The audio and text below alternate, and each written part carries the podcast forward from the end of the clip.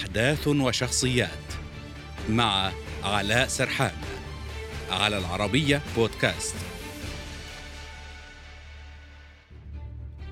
الشريان الأساسي لليبيا هو حلقة الوصل بين شرق ليبيا ووسطها وغربها.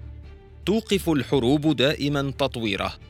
ملفه عقبة في طريق السلطات التنفيذية الجديدة.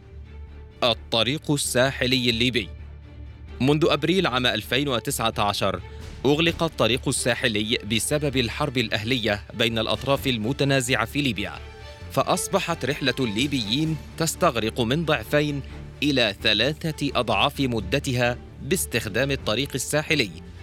وفي ديسمبر 2020 بدأت المباحثات لإعادة فتحه تنفيذا لاتفاق جنيف وإلى الآن يشكل مع ملف إخراج المرتزقة أكثر الملفات الشائكة التي تمثل عبئا كبيرا على السلطة التنفيذية الجديدة في ليبيا بسبب الخلافات الحادة حولهما.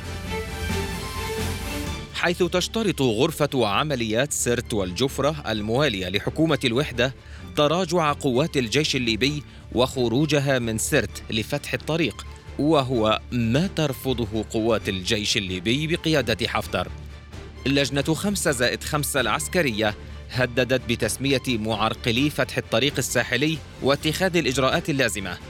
ويعتقد مراقبون أن الميليشيات تستخدم الطريق الساحلي كورقة ضغط على السلطة التنفيذية بعد استبعادها من المشهد السياسي وتخوفها من تفكيكها.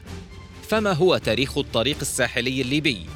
في مارس 1937 قام الزعيم الإيطالي موسوليني بزيارة إلى ليبيا إحدى المستعمرات الإيطالية حينها لفتح هذا الطريق السريع العسكري والمدني الجديد الذي بناه الحاكم العام الإيطالي إيتالو بالبو وعندما توفي بالبو عام 1940 في حادث تحطم طائرة أطلقت الحكومة الإيطالية اسمه على الطريق البالغ طوله أكثر من 1822 كيلومترا تكريما لهذا القائد الإيطالي.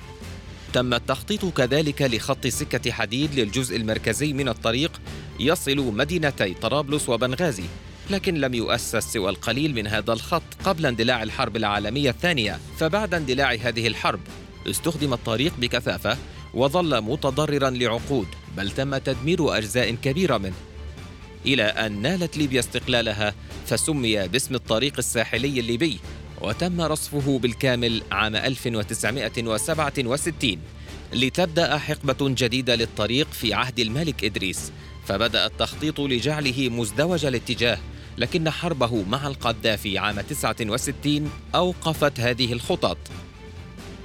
وفي عام 2008 وقع القذافي اتفاقية مع سيلفيو بيرلسكوني رئيس الوزراء الإيطالي الأسبق بشأن صيانة الطريق الساحلي الدولي كتعويض لليبيا عن الاحتلال الإيطالي إلا أن المشروع توقف مع بدء ثورة فبراير الليبية ضد نظام القذافي.